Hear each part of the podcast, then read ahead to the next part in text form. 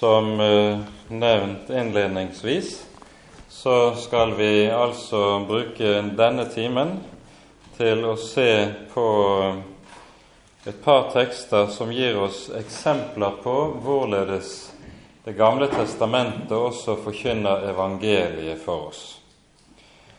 Eh, disse to tekstene er for det første den vi hører om i Johannes 3, Jesus samtale med Nikodemus, og dernest fra Galaterbrevets fjerde kapittel, fra vers 21, og vi kommer tilbake til den. Men vi begynner altså i Johannes 3. Og Her leser vi, tror jeg, teksten i sammenheng fra vers 1 og utover. Det var en mann av fariseerne som het Nikodemus, en av jødenes rådsherrer.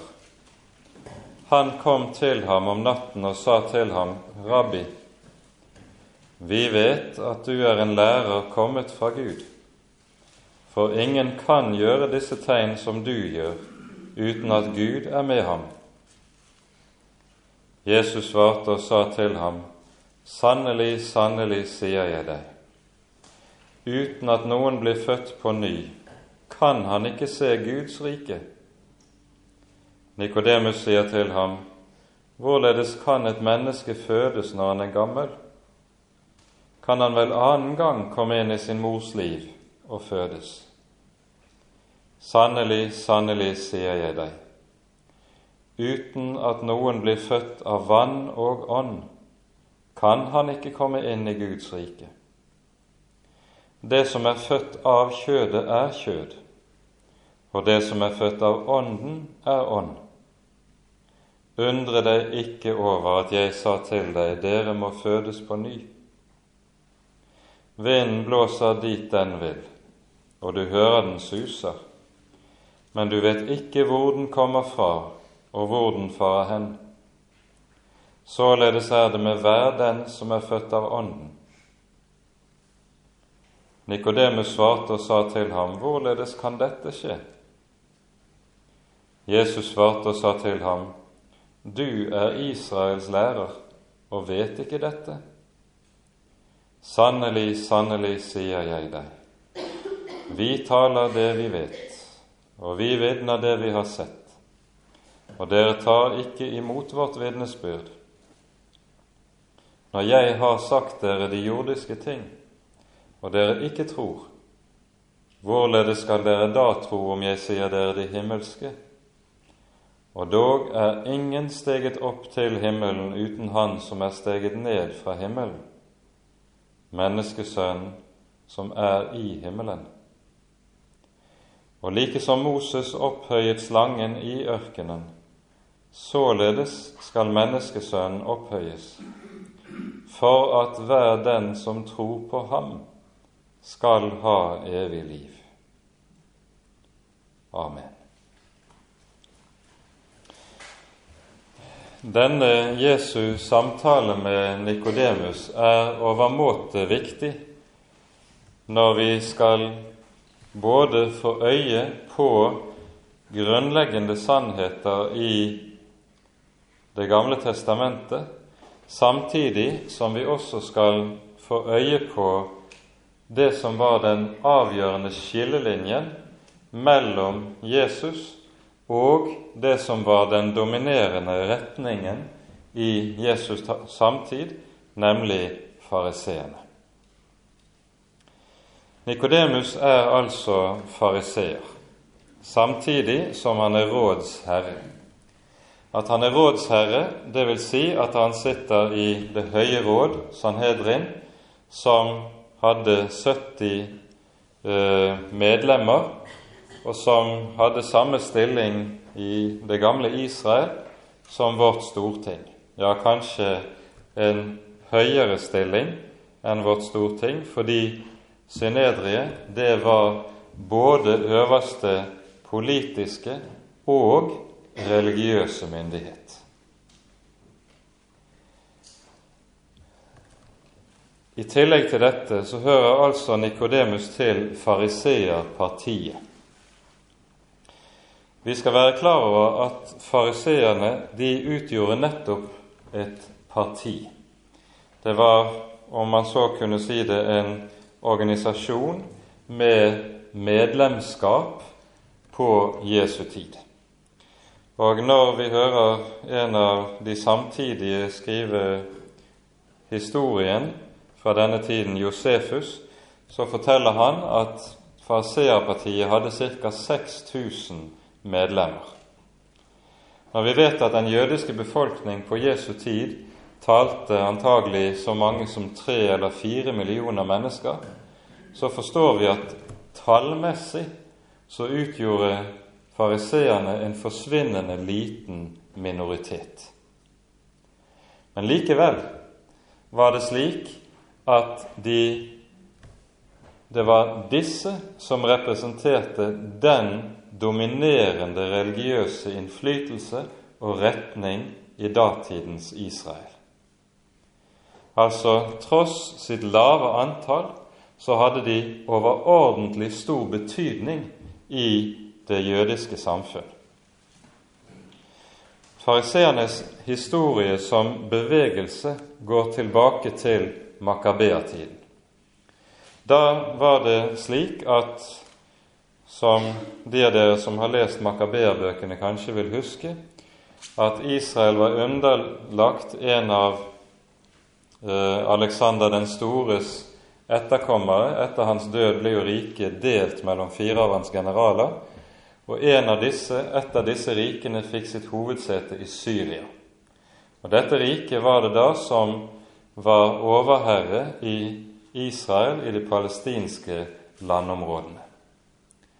Og På denne tiden var det en konge i Syria, Antiokus Epifanes, som hadde satt seg som sitt politiske program at hele hans landområde skulle helleniseres. Det vil si, overalt så skulle gresk kultur og de greske guder være det som var det dominerende i folket. Det førte til at han både satte opp et gudbilde, gudbilde i tempelet i Jerusalem, et bilde av guden Sefs, som jo var den ytterste vanhelligelse av tempelet. Han ofret griser på alteret i tempelet i Jerusalem en videre vanhelligelse. Han brente opp alle skriftruller fra den gamle pakt som han kunne komme over, og de som f.eks. omskar sine barn, de ble forfulgt på livet løs. Så det var en stor skare martyrer i det jødiske folket på denne tiden. Så var det selvfølgelig, som det alltid er i slike tider, også en stor gruppe jøder som bøyde av og tilpasset seg den nye tid. Og her er det fariseerpartiet blitt til, som en gruppe av jøder som vil ønske å bevare troskapen mot Guds ord, som var overlevert til det jødiske folk. Og fordi også mange av dette partiet led meget under disse vanskelige tidene, så kom fariseerpartiet også til å nyte den aller største respekt i Israel i tidene som fulgte når dette trykket lettet. Slik var da også situasjonen på Jesu tid.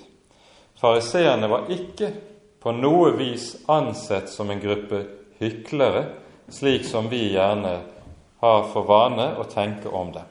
Tvert om, det var mennesker som nøt den aller største respekt for sin integritet og for sitt alvor. For nettopp det var noe av det som var hovedstikkordet om du skal beskrive dem.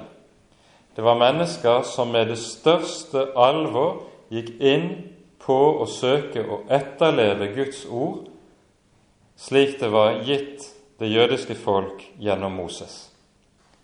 Hele deres liv var innrettet på nettopp å oppfylle Guds bud i Moselov. Og de søkte å gjøre dette minutiøst inn i alle områder av livet, fra stort til smått. Du skulle ikke bare gi tiende av din inntekt, men selv hvis du hadde høstet noen krydderurter i hagen din, så skulle du gi tiende av dill og mynte og karve også. Inn i alle ting så skulle man være meget nøye med oppfyllelsen av Guds ord. Disse fariseerne de la også den aller største vekt på bibelstudiet. De arbeidet meget flittig med arbeidet med, med de hellige skriftene. Og for å kunne bli medlem av selve fariseerpartiet var det et minimumskrav at man kunne hele Det gamle testamentet utenat på hebraisk. Det var intet lite krav. Og Derav forstår vi også at disse menn det var slike som også hadde del i sin samtids høyeste utdannelse og lærdom. Det var ikke små folk. Det var folk som var ansett, høyt ansett, respektert, og det var det vi i dag ville kalle for dype idealister. Hele livet søkte de å innrette på dette ene og oppfylle Guds lov. De anså det også slik at det å oppfylle Guds bud og lov, det var noe et menneske ikke kunne klare av seg selv og av egen kraft. Man trengte Guds hjelp og kraft til den saken. Og Det ba de til Gud daglig om at de måtte få. Det er derfor vi f.eks. hører fariseeren som ber i tempelet. I Lukas 18 står det jo om han. Han skryter jo ikke av seg selv, men han sier til Gud, 'Jeg takker deg, Gud'. Det er nettopp en fariseisk bønn der han takker Gud for at Gud har gitt han kraft, slik at han slipper å leve i synd. Slik tenkte disse. Så melder jo da, i møte med dette, spørsmålet seg umiddelbart. Hva er det som gjør at Jesus nokså umiddelbart havner i kollisjon med denne grupperingen i det jødiske folk? Jo, det henger først og fremst sammen med deres teologi. De lærte nemlig om Guds hellige lov, at loven, det var den gave Gud hadde gitt til mennesket for å hjelpe mennesket til å bryte syndens makt. Og bare mennesket tok Guds bud på ramme alvor, da ville det også mestre den oppgaven. Fariseerne tenkte altså helt klart slik at bare mennesket tok loven på alvor, så ville de også kunne overvinne synden i livet sitt. Her er dette bunner i en måte å tenke om mennesket og menneskenaturen som bryter avgjørende med Jesu måte å tenke om mennesket og menneskets natur. For hos fariseerne finner du ingen lære om arvesynd, slik du finner det hos Jesus og i Det nye testamentet. Når de leste Første Moseboks tredje kapittel, beretningen om syndefallet, så leste de ikke dette som en beretning om hvorledes menneskeheten i og med Adam og Eva faller, og dermed også faller ned i, et annet, i en annen tilstand. De leser tvert imot denne fortellingen som en eksempelfortelling på hvorledes mennesket kan la seg friste til fall. Og Adam og Eva er ikke på noen måte prinsipielt forskjellig fra oss. Det de tenkte, var at når Gud skapte mennesket, så skapte han mennesket både godt og ondt.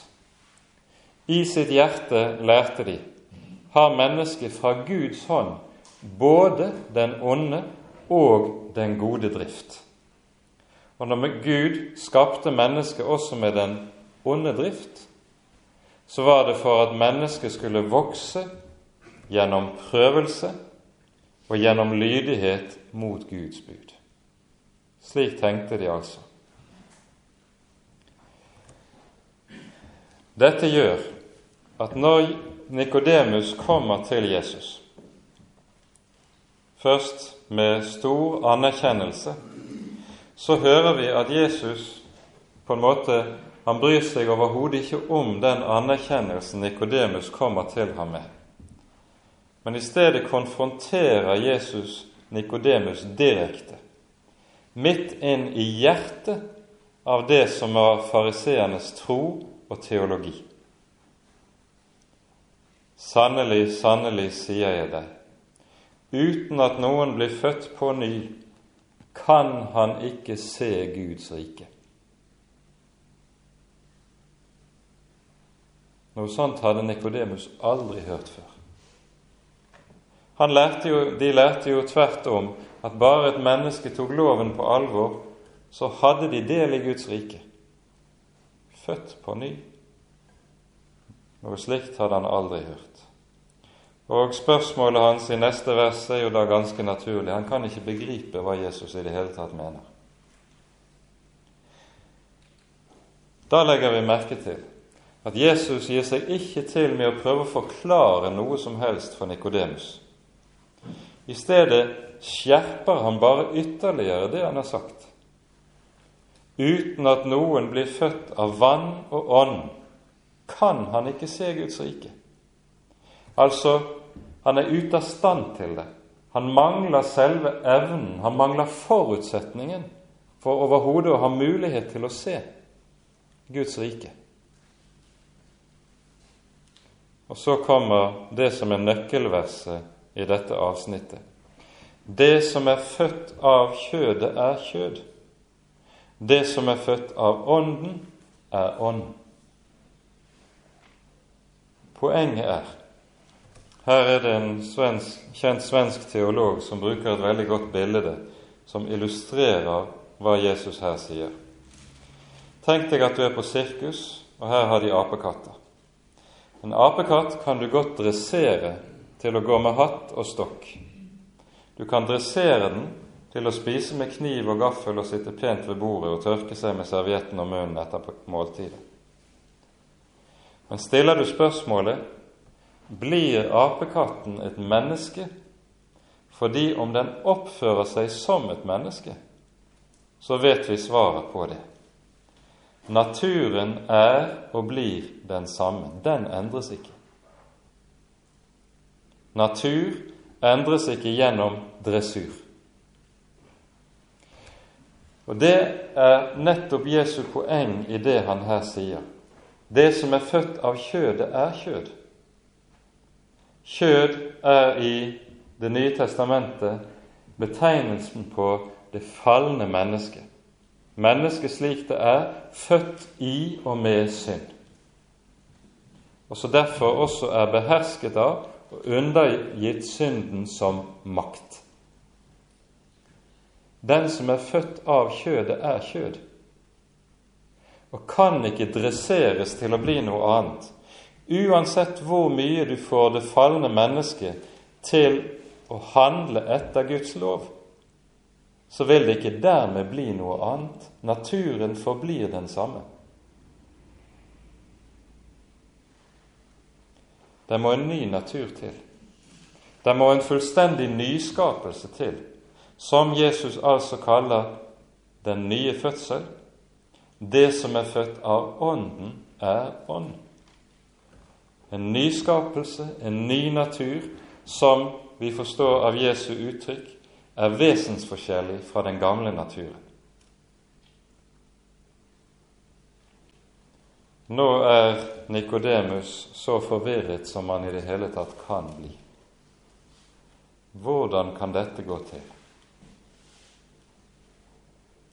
Noe slikt har han aldri hørt og aldri møtt. Hvordan kan dette gå til? Og Så svarer Jesus, du er Israels lærer og vet ikke dette. Når Jesus sier det, så forutsetter han at Nikodemus burde ha visst det. Han burde ha visst det, fordi det faktisk står om den nye fødsel i Det gamle testamentet òg. I en rekke sammenhenger, og vi skal kort se på et par av de senere. Du er Israels lærer og vet ikke dette. Og så går Jesus over til å nettopp beskrive hvordan det går til. Hvordan blir et menneske født på ny? Jo, sier Jesus, og svaret er underlig. Like som Moses opphøyet slangen i ørkenen, således skal menneskesønnen opphøyes, for at hver den som tror på ham, skal ha evig liv. Det er svaret på hvordan et menneske blir født på ny. Og vi skjønner det er et underlig svar. Men la oss da gå tilbake til 4. Moseboks 21. kapittel, hvor det nettopp står om kobberslangen. For så vil vi få øye på hva det her handler om.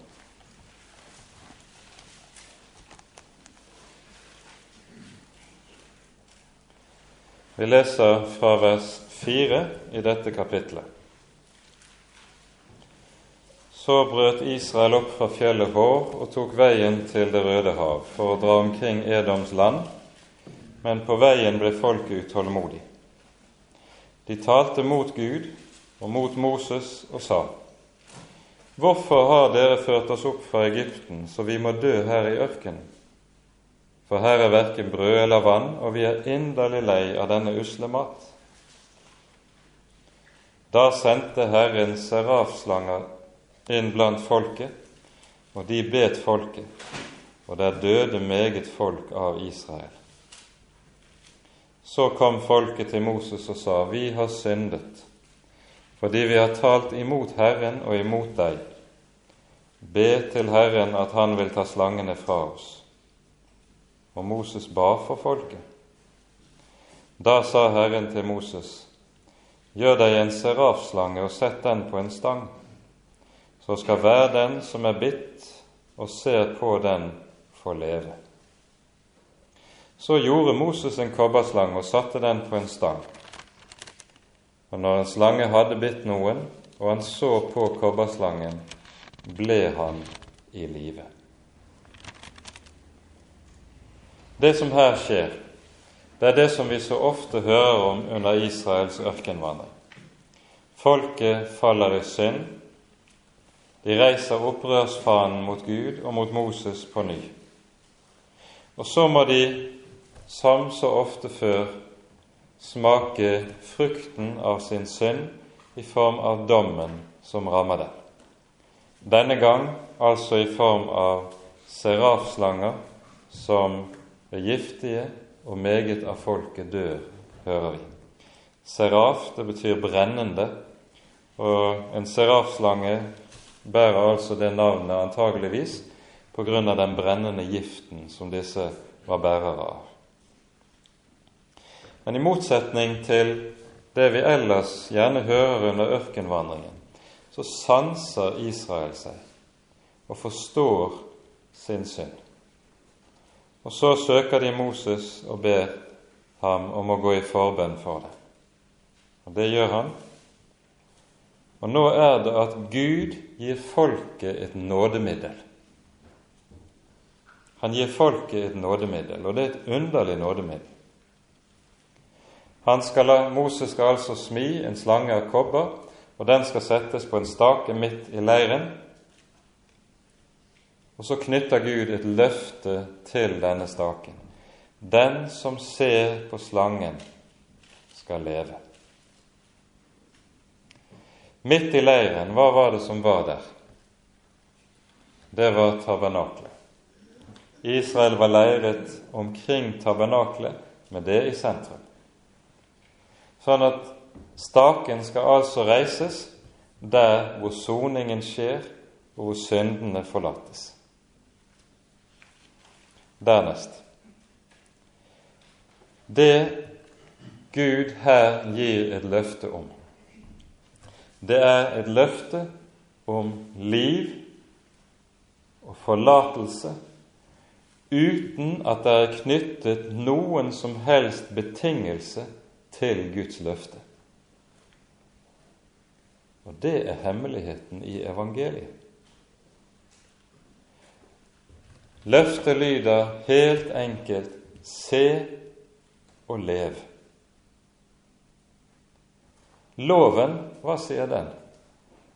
Slik som fariseerne pukket på loven. Den sier 'gjør det, så skal du leve'. Men her får altså folket løfte om frelse og liv gjennom det helt enkle se og lev, uten at det er knyttet noen som helst betingelse til det. Ingenting får de befaling om å gjøre. Ingenting får de befaling om å godtgjøre det de har forbrutt. Et nakent løfte se og lev. Og hvem er det dette løftet blir gitt til? Til et folk som er under dommen på grunn av sin synd. Og Nå skjønner vi hvorfor Jesus kan si som han gjør det. Like som Moses opphøyet slangen i ørkenen, således skal menneskesønnen opphøyes. Slik ble, blir et menneske født på ny, uten at det er noe lovens krav knyttet til løftet. Se og lev, lød løftet. Se og lev.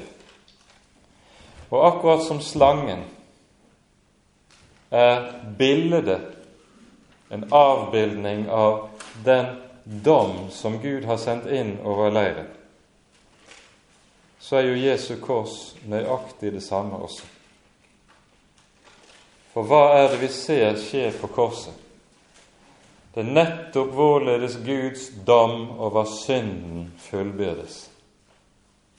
Så når vi vender blikket mot Han som henger på korsets tre, så vender vi blikket nettopp mot det sted hvor all synd som er gjort under himmelen, møter sin endelige dom. Og så har vi det samme løftet som Israel i ødemarken se og leve. Nå er saken den at dette som her skjer i Fjerde Mosebok 21, det slår an en tone som senere kommer til å gå igjen, en rød tråd som dukker opp igjen en rekke steder i Det gamle testamentet. Jeg vil peke på et par slike steder. Først fra den 60.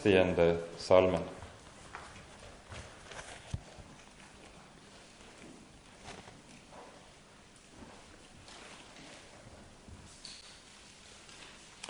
Dette er en salme der vi hører en bønn David ber for folket som er i en situasjon hvor de nettopp har opplevd å bli forkastet og sønderslått av Gud. Folket opplever seg å stå nettopp under Guds dom og under Guds vrede. Og Her i den 60. salmen leser vi så slik i vers 6. Men du har gitt dem som frykter deg, et hærmerke til oppreisning for sannhetens skyld. Det ordet som her er omsatt med hærmerke, det er det samme ordet i hebraisk som blir brukt i 4. Mosebok 21 for stang Du har gitt dem denne stang til oppreisning, og så skal de se og leve. Og Derfor lyder det også sånn som vi hører det i det 13. verset i samme salmen. Gud gi oss hjelp mot fienden, for menneskehjelp er tomhet. Det var ingenting som kunne redde og hjelpe folket der de var under dommen med slangene.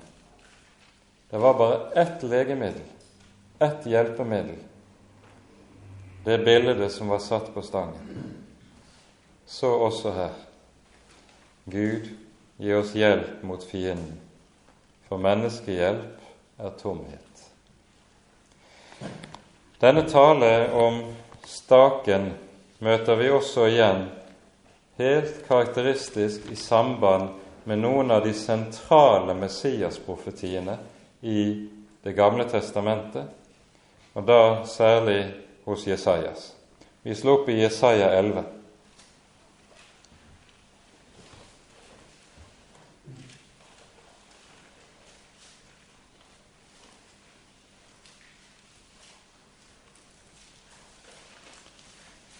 Hele dette ellevte kapittelet hos Jesaja handler om den kommende frelser. Men vi leser bare to vers her. Først vers 10. På den tid skal hedningefolkene søke til Isais rotskudd, som står som et banner for folkeslag, og hans bolig skal være herlighet. Isais rotskudd er et navn på Messias i Det gamle testamentet. Men her er det ordet 'banner', som er det samme ordet som 'stake' ifra Fjerde Mosebok 21. Han er opphøyet fra jorden, er det bildet som, eller uttrykket som Jesus bruker om seg selv ved denne anledning. Og I vers 12 gjentas det samme på en litt annen måte. Han skal løfte et banner for folkene og samle de fordrevne av Israel og sanke de adspredte av Juda fra jordens fire hjørner. Jesus sier i Johannes evangeliet, når jeg blir opphøyet fra jorden, skal jeg dra alle til meg. Det er nettopp dette som vi møter her. Like som Moses opphøyet slangen i ørkenen, således skal menneskesønnen bli opphøyet.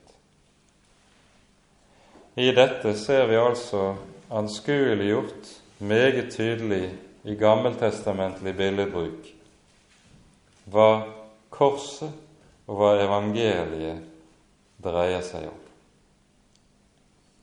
Så hopper vi til teksten som vi var nevnte i Galaterbrevets fjerde kapittel.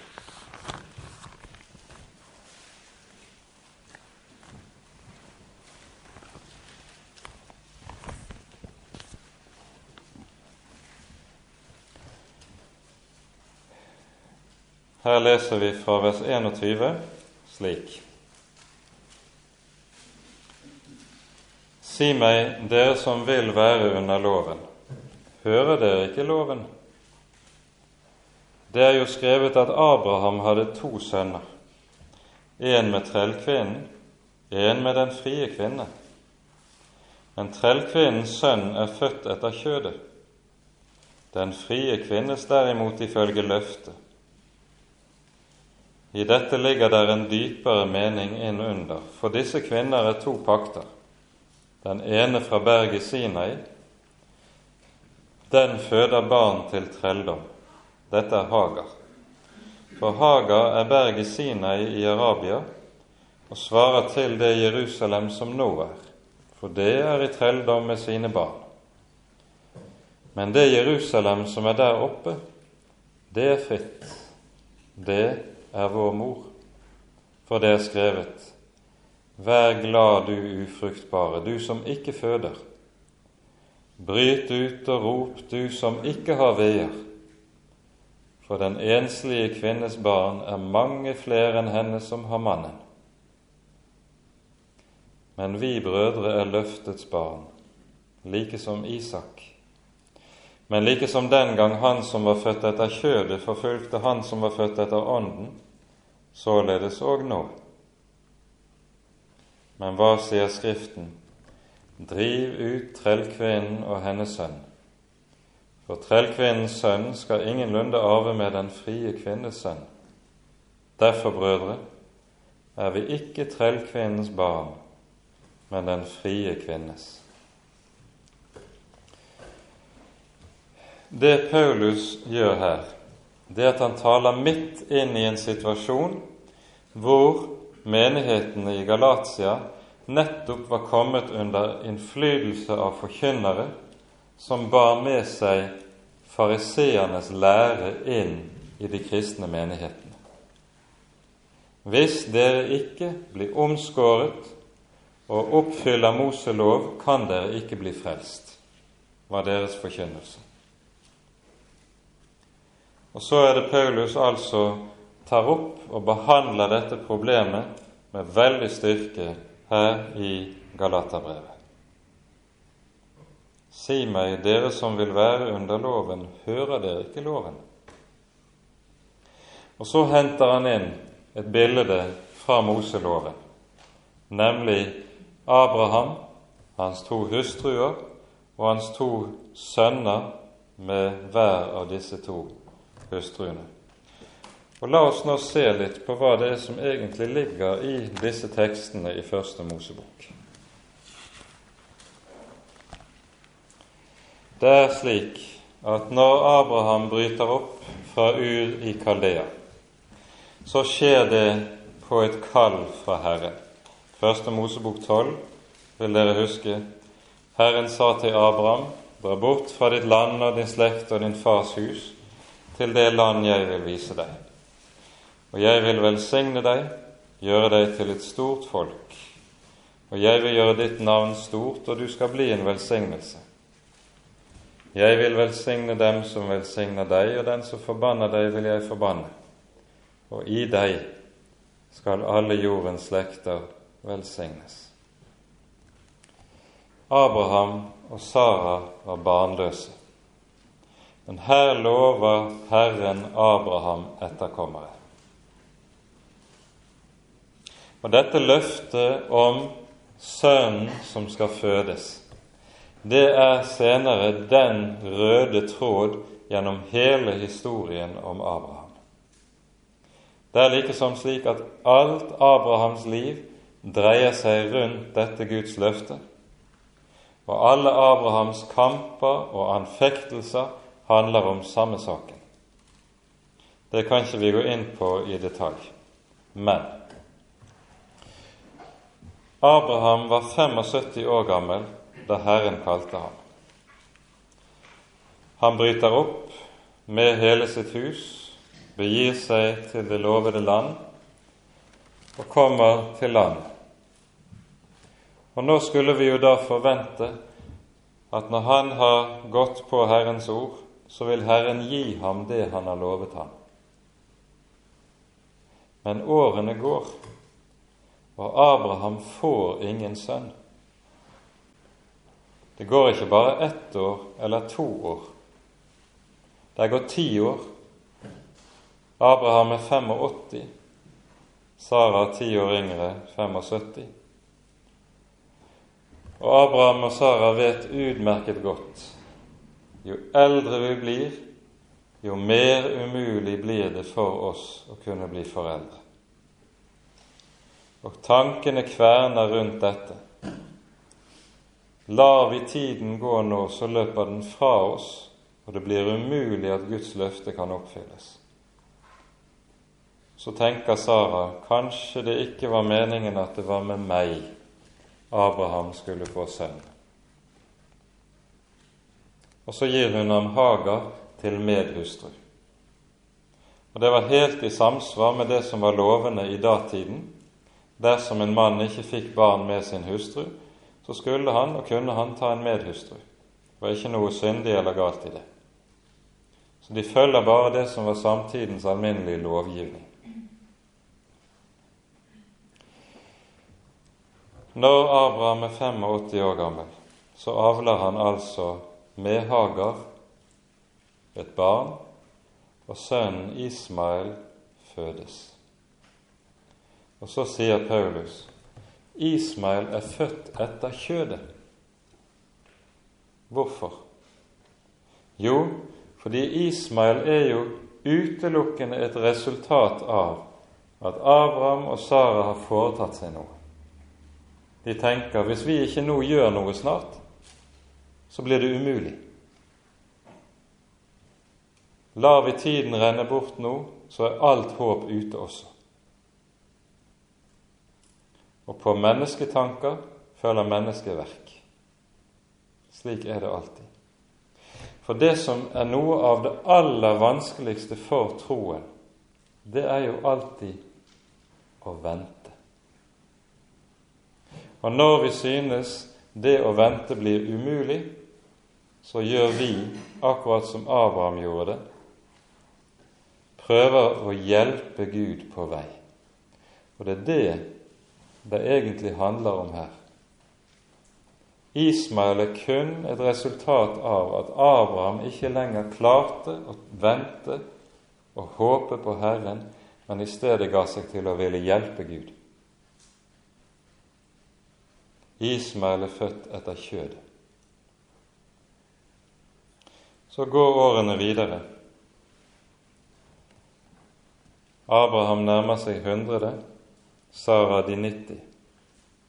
Og nå sier Skriften av Sara hadde det ikke lenger på kvinners vis. Det vil si, tiden, hennes fruktbare periode i livet, den var over. Hun var ikke lenger fysisk i stand til å avle barn. Så ser Abraham på sitt eget liv. For sin egen del er han heller ikke i stand til det. Sara 90, han 100. Det er umulig å få barn mer. Da kommer Gud. Når det ikke lenger er menneskelig mulig, da er det Gud oppsøker Abraham og Sara, de to gamle, og sier ved denne tid neste år skal Sara ha barn. Reaksjonen husker vi. De bryter ut i latter, begge to. Noe så dumt har de aldri hørt før.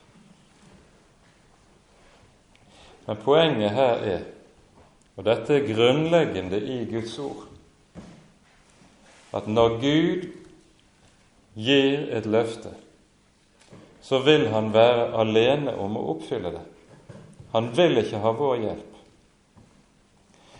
Og da er det som er meningen her, nettopp at Gud venter til det er menneskelig talt umulig, for at det skal bli klart og tydelig at det som nå skjer,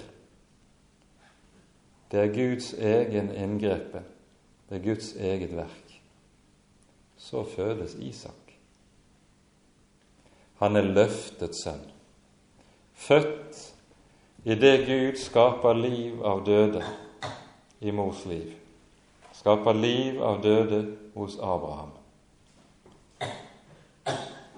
Gud vil nemlig være alene om å oppfylle sine løfter.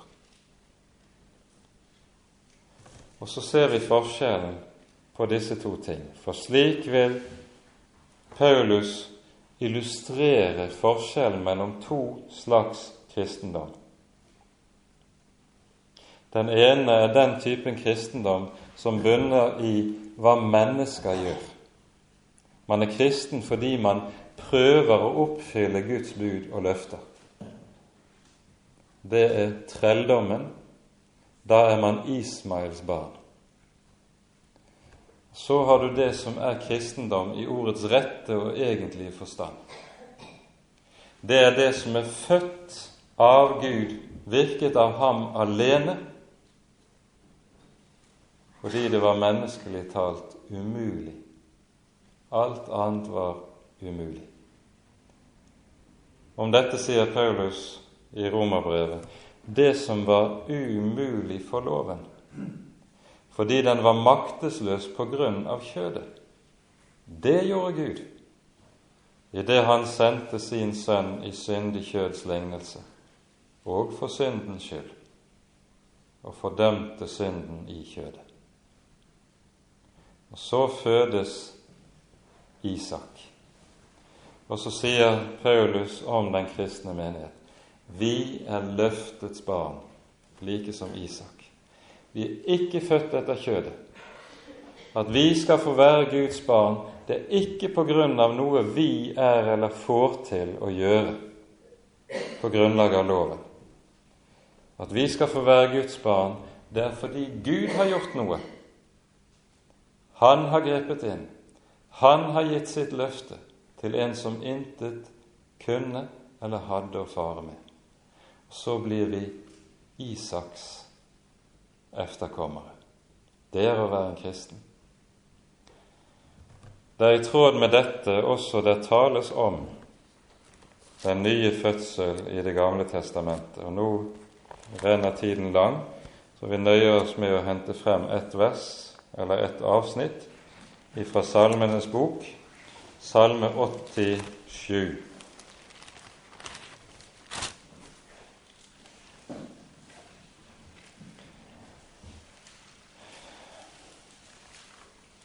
Dette er en salme om Jerusalem. Og Av sang, sammenhengen i salmen vil dere se at denne hører nøye sammen med Galatane 4, som vi har lest. Her taler apostelen om det Jerusalem som er der oppe, og som er vår mor. Jeg leser fra begynnelsen. Den stad han har grunnfestet på de hellige berg Sions porter elsker Herren fremfor alle Jakobs boliger. Herlige ting er sagt om deg, du Guds stad, Sela. Jeg nevner Rahab og Babel blant dem som kjenner meg. Se filisteren og tyrieren med etioperen. Denne er født der. Og om Sion skal det sies, hver og en er født der.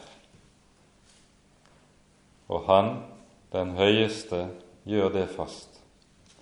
Herren skal telle når folkeslagene blir oppskrevet og si:" Denne er født der. Og alle de som synger og danser, skal si:" Alle mine kilder er i deg. Altså hedningefolkene, også vi. Om oss skal det også sies:" Vi er født der, vi har barnerett i Jerusalem, i Herrens hellige stad. Hvorfor? Fordi alle våre kilder er i ham. Vi har ingen kilder i oss selv. Vi suger ikke vår kristendom av vårt eget bryst. Og kristendom hviler ikke på hva vi selv kan gjøre, men på hva Herren har gjort. Det er vår sang. Alle mine kilder er i deg. Amen. Ære være Faderen og Sønnen og Den hellige ånd, som var og er og være skal, en sann Gud, høylovet i evighet. Amen.